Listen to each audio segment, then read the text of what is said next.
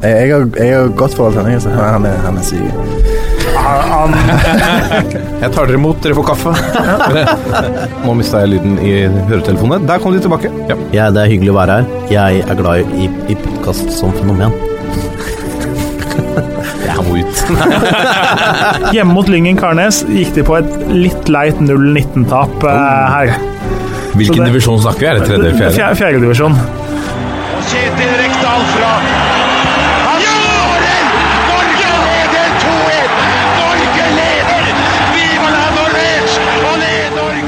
Og der er eh, toppfotball tilbake igjen i denne preview spesial, hvor vi skal se nærmere på neste eliteserierunde. Den syvende runden av årets eliteserie skal sparkes i gang, og det byr nok en gang på eh, interessant oppgjør. Hva er det du ser mest fram til, Lasse Wangstein? Velkommen, først og fremst. Jo, takk for det, Martin Roppestad. Hyggelig å være tilbake. Ja. Har du det bra? Jeg har det, jeg har det fint. Ja. Jeg gleder meg til eh, neste runde her. Ja. Um, håper at eh, folk har kommet seg hjem fra russefest osv. før eh, kampene sparkes i gang, da. Det er jo litt viktig. Legge russedressen hjemme. Det kan jo Uansett om du er eh, litt oppi åra, eller om du er russ. NFF har jo som kjent eh, strenge reglement hva gjelder antrekk på fotballkampene. Russedress er ikke en del av det. Jeg har jo faktisk dømt fotballkamp iført russebukse. Så det, Er det sant? Du er en skam sant. for denne podkasten. Nei, Jørgen Kjernås er en legende. Det, det skal jeg si, det var laget jeg trente selv, og dommeren møtte ikke opp. Så jeg og treneren til Moss Dette var jo da mm, håper jeg, gutter 16 tredjedivisjon, så det var på en måte for de som okay. vil være med, eh, uten å Men kjente du på at det var et dårlig forbilde der og da? Jeg, jeg, jeg kjente med på at uh, dagsformen ikke tilsa at man skulle dømme kamp, men at en Jeg var veldig glad for at jeg fikk første omgang, sånn at annen kunne tilbringes på sidelinja. Men det var kanskje bedre å dømme enn å spille? Jeg, jeg, spilte kamp òg i russebuksa, faktisk, mens jeg var russ. Eh, det var jo åttende divisjon. Skal sies at uh, undertegnede var meget god. Eh, vi spilte på Frogner stadion. Eh, valgte jo da oppvarming i Frognerparken. Eh, leverte strålende assist til kampens eneste mål. Eh, vi var jo da Så møtte vi samme laget på høsten. Da var inntaket vann før kamp. Da tapte vi. Så ja. Litt dårlig datamengde til å legge noen konklusjon, men laget vårt i åttende var i hvert fall bedre iført russebukser enn eh, treningsshorts. Nydelig.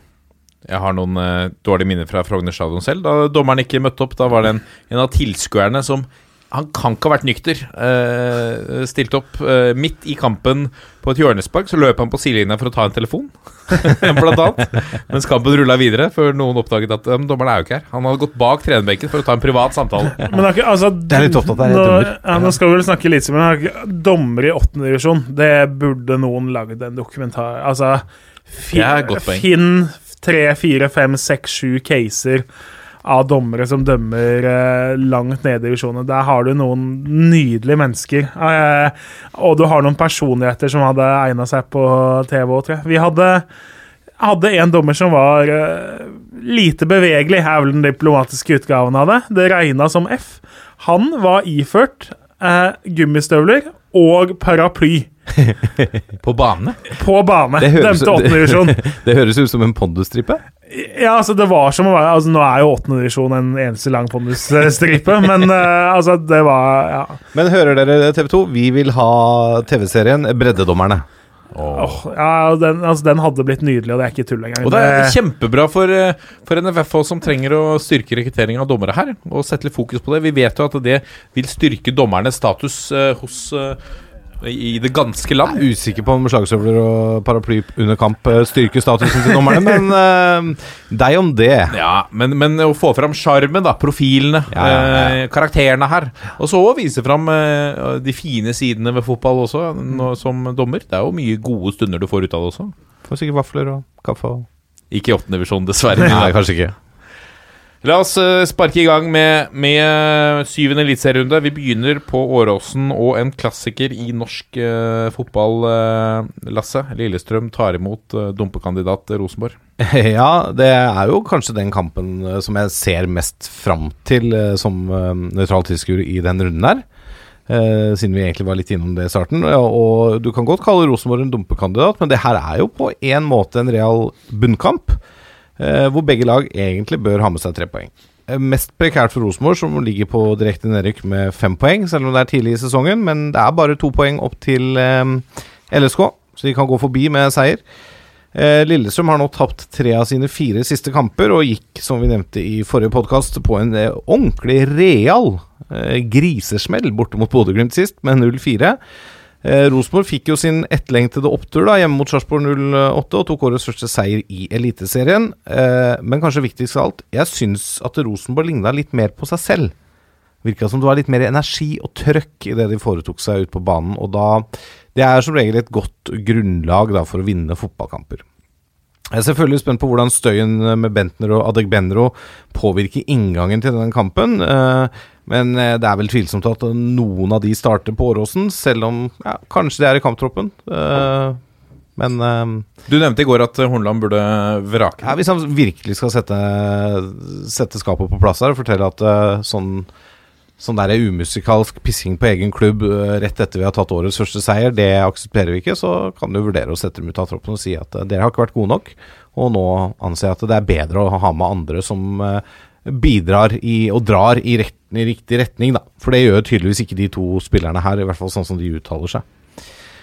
Lillestrøm eh, mangler bl.a. fortsatt Smarason, og Salquist soner jo fortsatt på karantenen sin etter det idiotiske røde kortet han fikk eh, borte mot Gjelleråsen i første runde i cupen. Han skal sone én seriekamp til, og neste cuprunde så er han tilgjengelig igjen. For Rosenborgs del måtte Anders Tronsen av til pause i forrige kamp, og tok noen MR-bilder eh, av jeg tror det var Lyske-området etter kampen. Jeg har ikke hørt noe hvordan det gikk. Ute. Ute lenge. Eh, I hvert fall den kampen her. så- I hvert fall den ja. kampen her, ja. Pål André Helland og Gjermund Aasen satt begge på tribunen med småskader sist, og det er vel usikkert også om de blir klare til kamp. Ehm, statistikken her eh, Og er du Lillestrøm-supporter nå, så hadde jeg kanskje vurdert å trykke på den der knappen som hopper 30 sekunder fram i tid. Lillestrøm har ikke slått Rosenborg i innbyrdes oppgjør siden oktober 2008, da de vant 4-2 på Åråsen. Det betyr at det er spilt 22 kamper uten LSK-seier mot trønderne, og Rosenborg har vunnet 15 av disse, med en målforskjell på 50-19. Shit. Ja. Ja, I denne perioden uh, så er det spilt 11 kamper på Åråsen. Rosenborg har vunnet 9, og to har endt uavgjort. Senest i oktober i fjor, med 0-0. Ehm, det er jo helt uh, tydelig at spesielt Horneland og Rosenborg har slitt med småskader og vært usikre på hvilke 11 som er det beste for hver kamp. For på de seks første kampene i år så har hele 22 spillere vært i aksjon for trønderne. De har brukt Ja. stallen, kan vi vel uh, fastslå med ganske god Uten resultat. ja, uten noe særlig resultat, ja. Uh, med den historikken i bakhodet så skal jo Rosenborg selvfølgelig være store favoritter her. Men de har som kjent trøbla litt i år, de også. LSK bør ha tatt seg i nakken etter den forferdelige opplevelsen på Aspmyra, og derfor tror jeg det kan bli en hjemspilt uh, affære, men jeg føler meg likevel sikker på at uh, Rosenborg nå har kommet litt i gang, uh, og holder de som en knapp favoritt til å stikke av med alle tre poengene på Åråsen. Ja. Vi går videre til um, Aker stadion og Molde, som tar imot Mjøndalen. Nå er det spennende å se. Nå fikk jo Molde og Erling Moe en litt annen oppgang til denne kampen denne uka enn han kanskje hadde foretrukket og sett for seg. eh, med dette russegreiene i starten av eh, denne uka. Mm, jeg tror nok uansett at han får stabla på plass et decent lag. De har jo en bra eh, dekning på de fleste plasser her, så eh, det, det er jo ikke mulig heller at han vraker noen av disse spillerne inn mot eh, kampen mot Mjøndalen. Og da passer det jo også ganske greit at de møter et lag hvor de skal være sole, soleklare favoritter. Men ikke sant, hvis han nå vraker tre eller fire spillere som normalt starter Ja. i den kampen, da forteller han jo hele verden hvilke spillere som gikk på russefest. Det er riktig, for så vidt. Så det kommer ikke til å skje. Nei, og det har de sagt at de skal ta det internt i klubben, ja. Ja. Så, så det skjer jo faktisk ikke. Men det kan jo hende uansett da, at dette kan påvirke eh, litt i favør Mjøndalen, som jo nå står eh, fire Altså det er fire strake nå uten tap. Det er bra, bra lesning, det, for Vegard Hansen eh, og, og gjengen i Brunt. Eh, står altså med seks-åtte åtte poeng på de siste fire matchene. Har fått eh, godt betalt, og senest nå mot eh, Mot eh, Stabæk sist så kom jo avgjørelsen da, på overtid. Tre minutter på overtid. Det må være fantastisk for, eh, for Vegard Hansen å få den etter eh, et par nedturer, spesielt da med, med den hjemmekampen mot Bodø-Glimt, som han syns var tung. Så tok de tre poeng i denne. Vi må, selv om det er tidlig i sesongen, kalle det en sekspoengskamp mot Stabæk, som de kanskje blir å kjempe mot nede i bunnen der. Uh, Stabæk skapte en del store sjanser i den matchen, eh, men, men eh, antallet var ikke, var ikke så mange. Boli kunne avgjort rett før, eh, rett før altså, eh, det avgjørende målet kom. Eh, I buret sto Mathias Eriksen Ramark en, en, en god match. Reddet Mjøndalen da må alene mot eh, Boli der. Og Vegard Hansen sa etter matchen at dette kan være et slags gjennombrudd for Ramark. Uh, Faye Lund ble skada etter eh, Nei, unnskyld. Han, han eh, slet litt med en ribbeinsskade. var satt på benken. eh, så er det nok også mulig at det siste, de siste kampene sine prestasjoner har spilt inn her i valget av keeper. Eh, det kan tyde på at det er en ny førstekeeper i Mjøndalen nå. Ja, per nå så er det definitivt det. Eh, Faye Lund har gjort eh, litt for mange tabber eller halvtabber, og Ranmark debuterte med en eh, meget god kamp. Så det ville vært svært overraskende om det ble bytta igjen nå. Eh, Og de, altså Mange hevder jo eh, til forkleinelse for Ivar Forn at eh, det var keeperplassen var grunnen til at de rykka ned. ja, og det var jo ikke bare han. De Sist. henta jo Marco Pris Jørgensen, som ikke var i nærheten han heller da Nei. han kom inn på sommeren. Så eh, ja. Videre en liten keeperforbannelse over Mjøndalen. Kanskje den blir brutt nå. Kanskje Ranmark, eh, eller som Vegard Hansen sier, kanskje dette var et slags gjennombrudd. Men da er vi jo tilbake til den der problemstillinga å spille mot klubb du er utleid fra. Det er sant. Det er veldig godt poeng. Altså jeg er, jeg er så motstander av at det er lov i norsk fotball. At du kan spille mot den klubben som eier deg. Ja. Når du leier ut mellom klubber i Eliteserien. Det burde vært som i England. De kampene står over. For det er, det er rart, Ja, uansett åssen du snur og vender på det. Kan få litt rare situasjoner ut av det. I hvert fall når det er sånn halvtårslå nå. Han skal kanskje tilbake til Molde til høsten. Ja. Så Ja, være med. Å nei, faen, vi tapte. Ja, stemmer det. Vi tapte jo mot det laget jeg spilte for, og jeg, for jeg sto så godt. Og det er derfor vi ikke vant seriegull. Det er litt kjipt. ja. Det burde jeg tenkt på. Molde leverte en sterk bortekamp eh, mot Haugesund. eh, gjorde en god investering der med å chartre et eget fly i forkant, som betalte seg i tre poeng. Eh, det er, som vi har nevnt, etter tap mot Bodø-Glimt har det nå vunnet fire strake, med en målforskjell på 12-1. Det lukter foreløpig gull av det, selv om det er litt tidlig å dele ut medaljer etter syv serierunder. Jo, nå har jo de også spilt en kamp mer enn en del, men det er jo ikke Altså, det er jo ikke mange lag som akkurat nå fremstår bedre enn Molde i Eliteserien. Det er riktig. De, er jo- de virker jo ganske overlegne. Ja, det gjør de absolutt. Nå har de skåra minst to mål i 12 av sine 13 siste eliteseriekamper. Som også tyder på et, et lag som fungerer offensivt. Og Magnus Wolff eh, Eikrem eh, som står i bresjen der og leder an eh, troppene fremover på banen. Um, historisk sett mellom disse lagene har det vært målrikt. Det er 3,3 mål i snitt på de siste seks matchene. Tilsvarende oppgjør i Eliteserien i 2015 endte 3-1 til hjemmelaget Molde. Da var det Ola Kamara, Sander Svendsen og Harmet Singh som skåra for Molde. Tokmak Ngén, som eh, da var Mjøndalen-spiller, skåra for de brune. Eh, For Moldes del så fikk de jo Eirik Ulland Andersen eh, sendt ut på båre med Var det en røket akilles i, i cupen nå? Yes. Forferdelige eh, nyheter både for han og for Molde. Kan jeg bare da få lov å ta en kjapp ting der? Ja. For det er når sånne nyheter kommer fra klubbhold, og fra klubbleger eller fysioer eller hva det er, så er det Ja, han har en ruptur i akilles. ja, ja, men de er jo leger. Kan, kan, de snakker jo, jo men kan vi ikke bare snakke folkelig, da? Når vi kommuniserer utad? Altså, jeg skjønner hva en ruptur er. Men kan du Skjønner du hva en ruptur er? ja, det er At noe har røket. For det, det skjønner jeg jo fordi at jeg har jobba med disse medisinske folka. Men kan vi ikke bruke folkelig språk, da? Han har røket akillesen. Ferdig. Ja. Så enkelt kan det sies. Men de snakker også, når de er ute med det, så snakker de også til andre leger, eh, leger ut. Og så kan Ja, Men en annen lege kan, skjønner hva en røket akilles er. Da kan han sitte og tenke Å ja, han har en ruptur. Kan han tenke da. men, kanskje, men kanskje røket akilles er u, upresist? Slutt, da. Snakk folkelig. ja. Videre ruptur der altså på, på Eirik Ulland Andersen. Det førte til for øvrig at Erling Moe ble nedringt av ulike klubber med tilbud om erstattere, ifølge Romsdals eh, budstikke. Um, som, som da Det kan hende skjer noe der i løpet av sommeren. Um, det er eh, Det er Molde som har overtaket her, ikke så veldig overraskende historisk sett, på de seks siste matchene. Unnskyld, de fem siste matchene har de vunnet fire av de, og null seire til bortelaget denne rundens sportlag Mjøndalen. Vi går videre til Sarpsborg eh, stadion og eh, oppgjøret mellom Sarpsborg Lotte og Kristiansund, Jørgen Kjernes. Ja.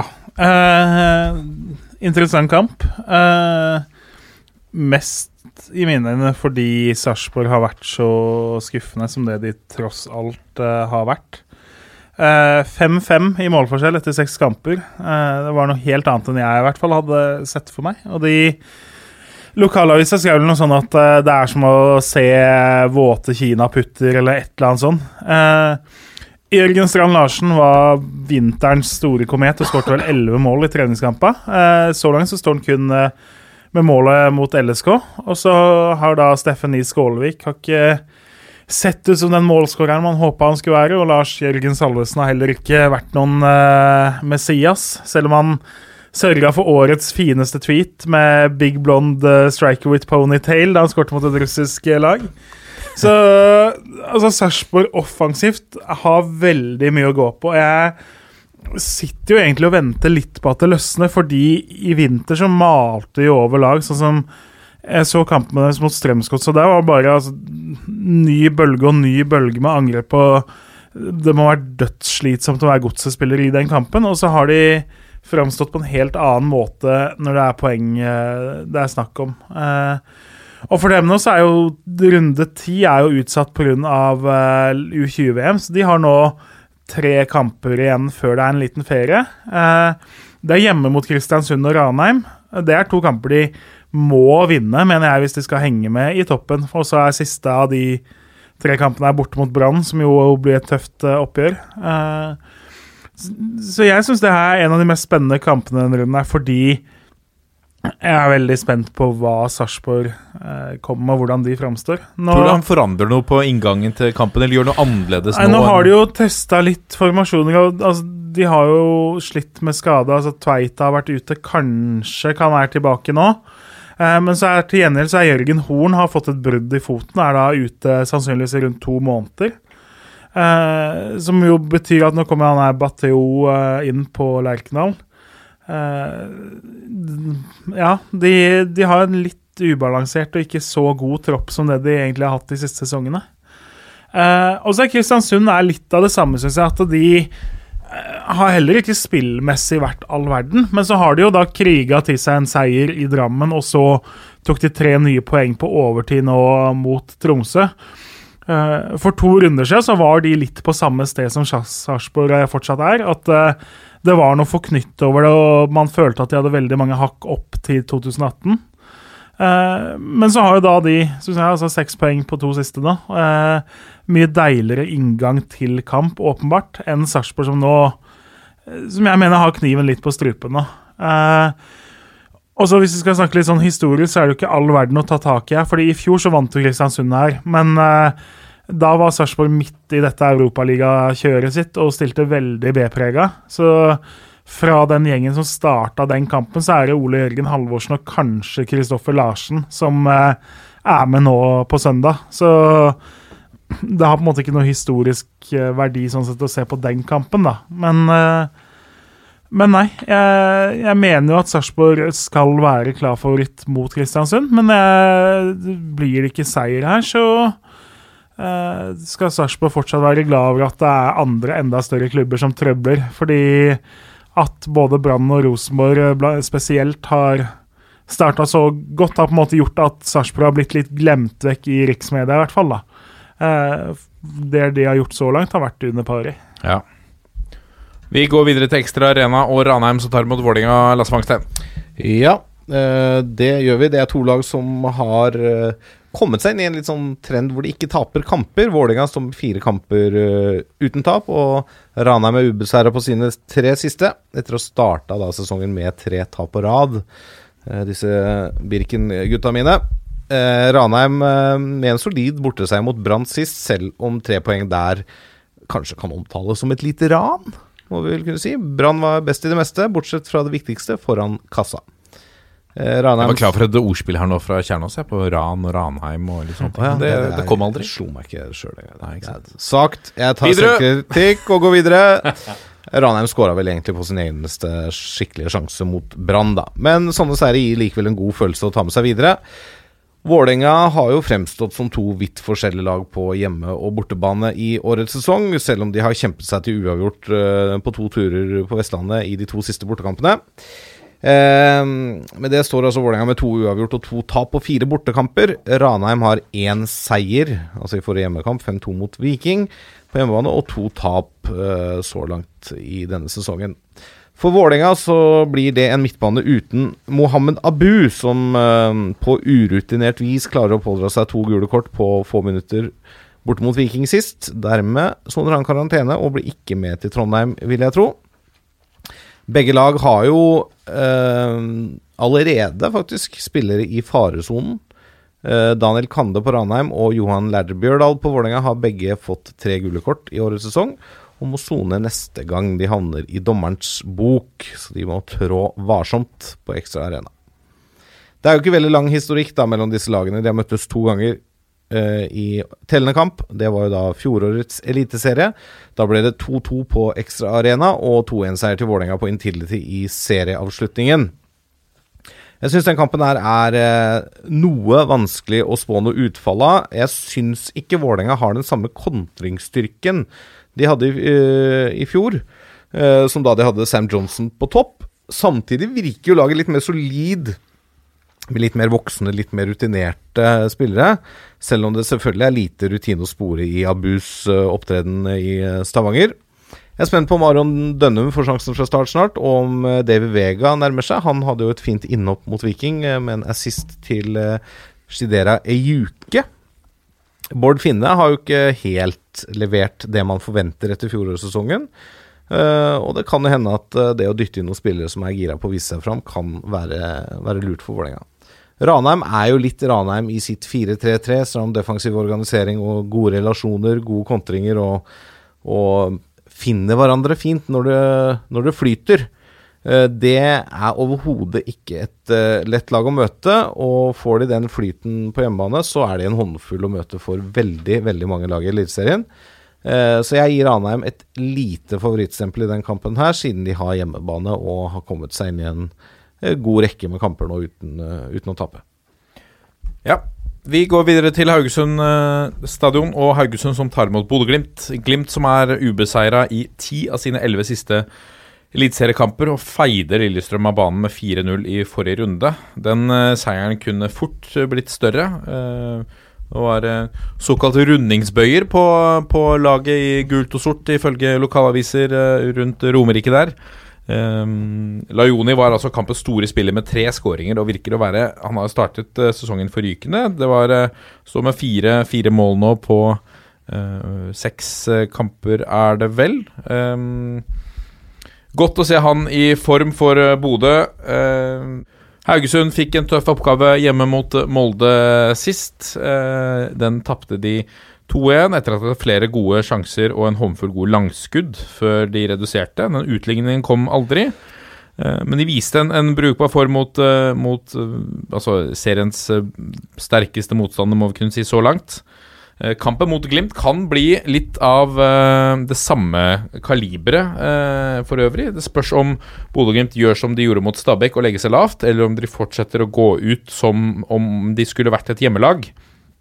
Så kan dette bli en ganske underholdende eh, match. Det er eh, For FK Haugesund så er Ibrahim Awaji litt usikker med en smell. Han blir nok klar. Det samme gjelder Joakim Våge Nilsen, som har en strekk, men som kan bli klar for hjemmelaget. Eh, for Bodø-Glimt så er det ingen rapporterte skader utenom de kjente langtidsskadde. Statistikken mellom disse to lagene eh, er i Haugesunds favør, med fire seire på de seks siste oppgjørene. Og Glimt har stukket av med, med seieren i to av de siste seks. Så har vel sjansene og formen til Glimt aldri vært bedre enn nå, når de har eh, møttes disse to lagene imellom. Tilsvarende oppgjør i fjor endte 1-0 til hjemmelaget etter scoring av Baba David. Vi går videre til Tromsø, som tar imot eh, Odd. Jørgen Kjernås. Ja, det er jo Eliteseriens uh, jumbolag. Uh, Tromsø hadde jo en dårlig høst, og så har det fortsatt uh, nå. Uh, tror varsellampene begynner å lyse litt på Alfheim. og det som så ut til å være en trollmann i Vallakari, var kanskje bare en si, middelmådig tryllekunstner. Kan man nesten begynne å stille seg spørsmål om. Altså, han er flink og dyktig, sånn, men Tromsø har de spørsmålene man kanskje hadde på forhånd om de hadde henta godt nok i forsvar og angrep, eh, har ikke blitt besvart med noe rungende 'nei, dette var gode spillere'. Men, men er han også litt sta? Ja, det Kari? vil jeg tro. Og Det, det, det minner meg litt om Lars Bohins Sandefjord-prosjekt. Hvor han heller rykker ned med sin måte å spille på, enn å på en måte gå på akkord med det for å sikre plassen. Det gikk jo bra, det, da. Det gikk jo kjempebra. ja, Ja, og det gjorde det. De rykka jo ned til slutt, da. Ja, ja. Men da var jo ikke han der lenger. Nei da, det er sant, det. Men det. Og nå er det jo De første, ja. Altså, De mangler jo da både Sokol og Wangberg. er nå klart at uh, de gikk av med skade mot uh, Kristiansund. Og mangler, mister nå dette oppgjøret og 16. mai-kampen mot Bodø-Glimt. Uh, så ble jo Markus Holmgren Pedersen ble i tillegg utvist. Så eh, forsvaret til Tromsø blir trolig ganske eksperimentelt. Eh, og de viste jo spesielt da altså, Uten Wangberg så har det ofte gått ganske stygt for dem eh, siste åra. Uten å ha sjekka statistikken, så har jeg en sterk mistanke om at det er mye baklengs de kampene han ikke spiller. Nå blir det litt sånn Magnus Andersen på høyrebekk og ja, mye eksperimentering eh, på laget. Eh, Så møter de jo da et Odd som er egentlig det stikk motsatte, som da har vært ganske gode og i tillegg gode til å avgjøre de jevne kampene. Eh, Så her kommer jo da Altså, man veit jo hva man får av Odd, det, men eh, i den grad man kan si at momentum så langt har noe å si for en fotballkamp, da, så er det ikke noe tvil om at det er bortelaget her som er det laget som har flyt, og Tromsø som virkelig føler at alt av marginer og ting går mot dem uh, nå. Så jeg syns det, synes det lukter litt tre poeng til Skien, og da uh, må vi begynne å snakke medaljekamp etter hvert, selv om det er tidlig. Ja. Nadderud stadion og Stabæk mot Brann, Lasse Wangsten. Ja, en kamp i kampen her kan jo være å bli enige om hvem som hadde det sureste 0-1-tapet i forrige serierunde. Brann uh, var jo som nevnt Kamp i kampen. før, kamp før kampen, da. Ja, ja. De kan jo krang, krangle litt om det. Brann var jo som nevnt ganske overlegne mot Ranheim i spillet, men evnet ikke å skåre, og Stabæk tapte på overtid borte mot Mjøndalen etter å ha hatt en enorm sjanse rett ved skåringen. Eh, samt å ha blitt hindret i en enorm mulighet til Boli da de blir blåst av pga. skadd spiller. Hvor Deres kanskje- egen spiller. deres egen spiller, hvor de kanskje skulle hatt spillet gå. Han hadde fått muligheten alene med keeper. Eh, tabellmessig kan vi vel si at Stabæk ligger omtrent som forventet eh, før sesong, men at Brann ligger noe bak skjema. Og dette blir ingen enkel kamp for Brann. Stabæk har to seire og én uavgjort på sine tre første hjemmekamper i år. Og Brann har jo seieren borte mot Tromsø, men har tapt borte mot Odd og Viking på fremmedgress. Men nå var de to eh, tapene Eller alle kampene har vært på kunstgress, da, som på bortebane. Nå er det naturgress, som de er litt mer vant med kanskje fra Brann stadion. Men eh, nå holder vel ikke Nadderudmatta helt det samme nivået som Brann stadion eh, enda, selv om det er vel sikkert bedring å spore der ute eh, også. På de siste seks kampene lagene imellom har Br- Brann vunnet fire, Stabæk én og én kamp har endt uavgjort.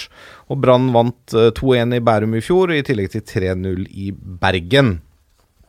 Jeg nevnte jo litt tidligere at Rosenborg ikke helt har funnet fasongen, og det samme kan vi kanskje si litt om Brann. Det virker som Lars Arne Nilsen ikke helt blir enig med seg selv hvilke spillere han skal bruke, og hvordan de skal settes opp i elveren. Eh, varierer mye i Og det var kanskje litt styrken til Brann i fjor, at var, du visste omtrent hvem som skulle spille, og de var samkjørt, og det fløyt godt, spesielt på høsten her, så det virker som Nilsen kanskje er litt rådvill. Eh, og så er det jo helt tydelig at Brann venter på at de vet om Berisha skal begynne å produsere mål. Det er kun Dauda Bamba av eh, de som er ført opp som angrepsspillere, som har skåret i år. Petter Strand Hausen, han kan jo spille både midtbane og angrep. Eh, og lagets toppskårer er midtstopper Vito Wormgård med tre mål, to av de på straffespark. Stabæks toppskårer er nær sagt naturlig Frank Bordi. Han som med fire av Stabæks seks mål har med det skåret eh, 66,67% av hjemmelagets mål så langt i sesongen. Han er jo viktig for uh, dette Stabæk-laget. Um, dette er en sånn kamp hvor Altså Når du har to lag som opplever litt sånn sure tap, så er det alltid spennende å se om de klarer å nulle hverandre i jakten på å få den. Men det her blir litt sånn karaktertest, føler jeg. Det laget som på en måte klarer å dunke til eh, og, og ville det mest. Brann må jo ha en seier nå hvis de skal komme seg opp på det nivået som folk forventer at de skal være med og kjempe om topplassering. For med tap her så er de fortsatt på åtte poeng, og da begynner avstanden opp å bli ganske stor. Stabæk er nok ganske komfortabel med å ligge litt over nedrykk, men klart, med en Rosenborg-seier, med en Tromsø-seier i helgen, så er de fort forbi Stabæk hvis Stabæk taper. Så alle poeng for Stabæk nå er veldig viktige. Um, jeg eh, mener jo at Brann har et mer solid lag enn Stabæk, og gir de et lite favorittstempel. eh, men Men Nadderud er lunefull. eh, lunefullt på Nadderud, det blir ikke noe lett oppgave for uh, Lans. Landsmenn der, altså. Så til eh, gamle gress, da. Jørgen Kjernås og Strømsgodset tar imot Viking i eh, mandagskampen. Ja. Eh, kan starte med Viking. De har jo imponert egentlig så godt som alle så langt. Eh, spillet med sånn der deilig Vi er tilbake, vi har ikke så mye å tape, vi skal vise at vi faktisk hører til på dette nivået. Entusiasme som man ofte ser fra nyopprykka. Eh, og så har de jo holdt imponerende tett, men så rant du inn da fem mot Ranheim, og så eh, slapp de inn eh, ett mot ti mann mot Vålerenga sist nå. Jeg er fortsatt skeptisk til hvor langt det her kan holde for Viking, og tror at alt bedre enn en sesong hvor de kjemper mot nedrykk, hadde jeg bare tatt imot hvis jeg var Viking-supporter. Eh, men har nå en del uforløst offensivt, tross alt. Og altså, Slatko Tripic har ikke slått ut i full blomst, men er f.eks. alltid skapende og god og har mer inne enn han har vist så langt. da. Eh, og så er man litt på altså, Historisk sett, så hvis man skal se på det Viking har ikke vunnet på de elleve siste matcha i eh, Drammen. Godset har vunnet ni av dem, og to uavgjort. Så men så er man også da tilbake til sånn at sist de møttes i 2017, fra den kampen, så er det da Iven Austbø her igjen. Eh, André Danielsen starta, han er vel fort med på benken. Ingen av de 16 andre som var med Viking i den kampen, er vikingspillere lenger. Så på en måte ikke noe overføringsverdi sånn sett. Eh, men man møter jo et godset som er litt sånn uh, schizofrene. Uh, vi har snakka om det før. altså Uavgjort både i, Brann, nei, i Bergen og Trondheim er jo gode prestasjoner. Sånn poengmessig, selv om de spillmessig ikke imponerte. Holdt på å ta med seg et poeng fra Skien òg, og det hadde ikke det siste målet til Børven kommet, så hadde de da stått med tre uavgjort på tre av de vanskeligste bortebanene i Eliteserien. Eh, men så har man jo da De slo Haugesund i første kamp, litt heldig, og så har de da tapt 3-2 både for Mjøndalen og Kristiansund hjemme. Eh, jeg tror vi, Da vi snakka om før sesongen, så pekte jeg på at altså, Haugesund, Mjøndalen og så eh, Kristiansund, og så kommer da Viking nå, og så har de vel Tromsø hjemme i neste hjemmekamp. Godset kunne på en måte få en god start fordi de har fem kamper hvor de egentlig er ganske klare favoritter da, eh, i de fem første hjemmekampene. Men nå er to av de tre første der tapt. Eh, Det slippes inn mye mål, med unntak av 0-0 på Lerkendal. Så renner det inn godt med skåringer bak eh, Myra i mål. Så eh, som Godset-supporter har jeg vært nervøs her, fordi hvis de ikke vinner den kampen her, da begynner det å ligne litt sånn på 2018-tendenser igjen. Eh, så nei. Eh, og jeg blir Altså, verken jeg eller BP blir helt kloke over hvem han har tenkt å ha som sine elleve go to guys. Eh, det byttes litt, spesielt på midtbanen der, så finner man ikke helt konstellasjonen. Og Sylla veldig dypt ned som nesten en tredje stopper. Det funka bra borte mot Rosenborg og ganske bra mot Brann. Eh, og så har man ikke helt klart å løse denne hjemmefloka godt nok og blitt litt overivrig og tatt på kontringer der uh, de to siste kampene. Så skal man spå noe, så spår jeg, som jeg kommer til å spå for hver Vikingkamp i år og egentlig hver godsekamp, at det blir mye mål. Uh, hvis, er, hvis antall mål er et kriterium for å se en fotballkamp, så ville jeg valgt den her hvis du bare skulle valgt én kamp denne runden. Ja. Spennende. Vi eh, skal runde av. Før det så vil jeg be om deres spådom til uh, hvem blir rundens uh, profil. Nå tar jeg dere litt på senga her. Men det var noen, eh, noen etter studiet som traff sylskarpt på akkurat denne spørringen. Da er det vel opp til han å melde sin rundes profil først. Da. Skal jeg dra en lang avhandling, så du får tid til å tenke litt her, Ja, eller? helt- eh, vi skal da til gamle gress. Til Drammen, Strømsgodset som tar imot Viking. Og jeg tror, av det jeg har sett Viking så langt, så tror jeg de kommer til å slippe inn en del mål i Drammen. Uh, og eh, av det jeg har hørt, uh, tatt i betraktning av folk som er på fylla osv., så, videre, så tror jeg at Moss starter denne kampen for uh, Strømsgodset. Og jeg tror også at Moss kommer til å stå for to til tre skåringer for hjemmelaget. Oi, oi, oi. Ja, jeg tror det smeller nå i Drammen. Det Rett og slett. De løser, eh, de løser floka, som Kjernås er innpå. Fotballeksperten Jørgen Kjernås var innpå. Det kommer en del mål i Drammen. Og Moss har skåra tre skåringer så langt, og det kommer to-tre nye i, i, eh, mot Viking. Ja, nei, altså, det åpenbare, det kjedelige valget er jo å si Eikrem, fordi han har vært eh, en klasse over alle andre, og de møter et bunnlag på hjemmebane. Eh, så skal jeg være kjedelig og feig, så sier jeg Magnus Eikrem. Eh, skal være litt mer vågal. Skal du være han gærne i russedressen? Skal jeg, ja, skal, jeg, skal jeg ta på meg russedressen og være litt vill og gæren, så sier jeg Chidera Ejuki for Vålerenga. Oh, ja. Eh, som jo også har noe uforløst over seg. Nå skårte han noe i Stavanger. Eh, jeg må jo si at Fantasy-messig så er det tungt å sitte med han og se at han har null bonuspoeng de to siste kampene. Hvor han eh, eh, egentlig har vært ganske god i begge kampene. Så eh, han, han venter man jo fortsatt på. Han har noe uforløst over seg. Jeg tror Vålerenga kan skåre både ett og to og tre mot et litt porøst Ranheim. Så eh, ja. Det kjedelige, trygge valget er Eikrem, og det litt mer vågale er Juke. Skal jeg si Michael Carlsen, da? ja. ja. Eh, nei, men, nei, jeg skal ikke jinxe det. Men um, hvis Horneland fortsetter med samme spissen som han gjorde mot Sarpsborg jeg, jeg venter litt på Botheim. Ja, det gjør det. Ja, han, Det er mange som eh, gjør det. Ja, det, han har noe i seg. Han har noe i seg, noe sånn litt sånn Det er noe med det engasjementet han viser på banen når de vinner altså er, Han er en sånn type som jeg tror noen kommer til å få stor glede av fremover. Det kan hende det blir Rosenborg. eh, Det kan hende at han går til en annen klubb for å få mer spilletid. Men eh, det kan jo passe godt å møte et litt shaky Lillesund-forsvar, som sikkert ikke flommer over av selvtillit etter et besøk i Nordland. Ehm, og som også mangler kanskje sin beste forsvarsspiller i Salkvist enda, så det, kanskje han får gjennombruddet sitt eh, i, på lørdag. Ja. Ny spennende runde i gjerdet, altså. Kom til, kom til stadion. eh, se live eh, fotball. Det er eh, noe eget å se hymnen, uh, eliteseriehymnen, eh, rulle over stadionanlegget når lagene Og eliteseriespillere løpe ut på banen og hjelpe til å fjerne disse bannerne som ligger der i forkant, sånn som vi så i Skien. Nydelig. Vi er uh, Toppfotball på Facebook, Twitter og Instagram. Gi oss gjerne en rating med fem stjerner også på iTunes, eller send oss en mail da på toppfotballat451.no. 1, 2, 3. Vi er Vi er i gjeng. Ha det!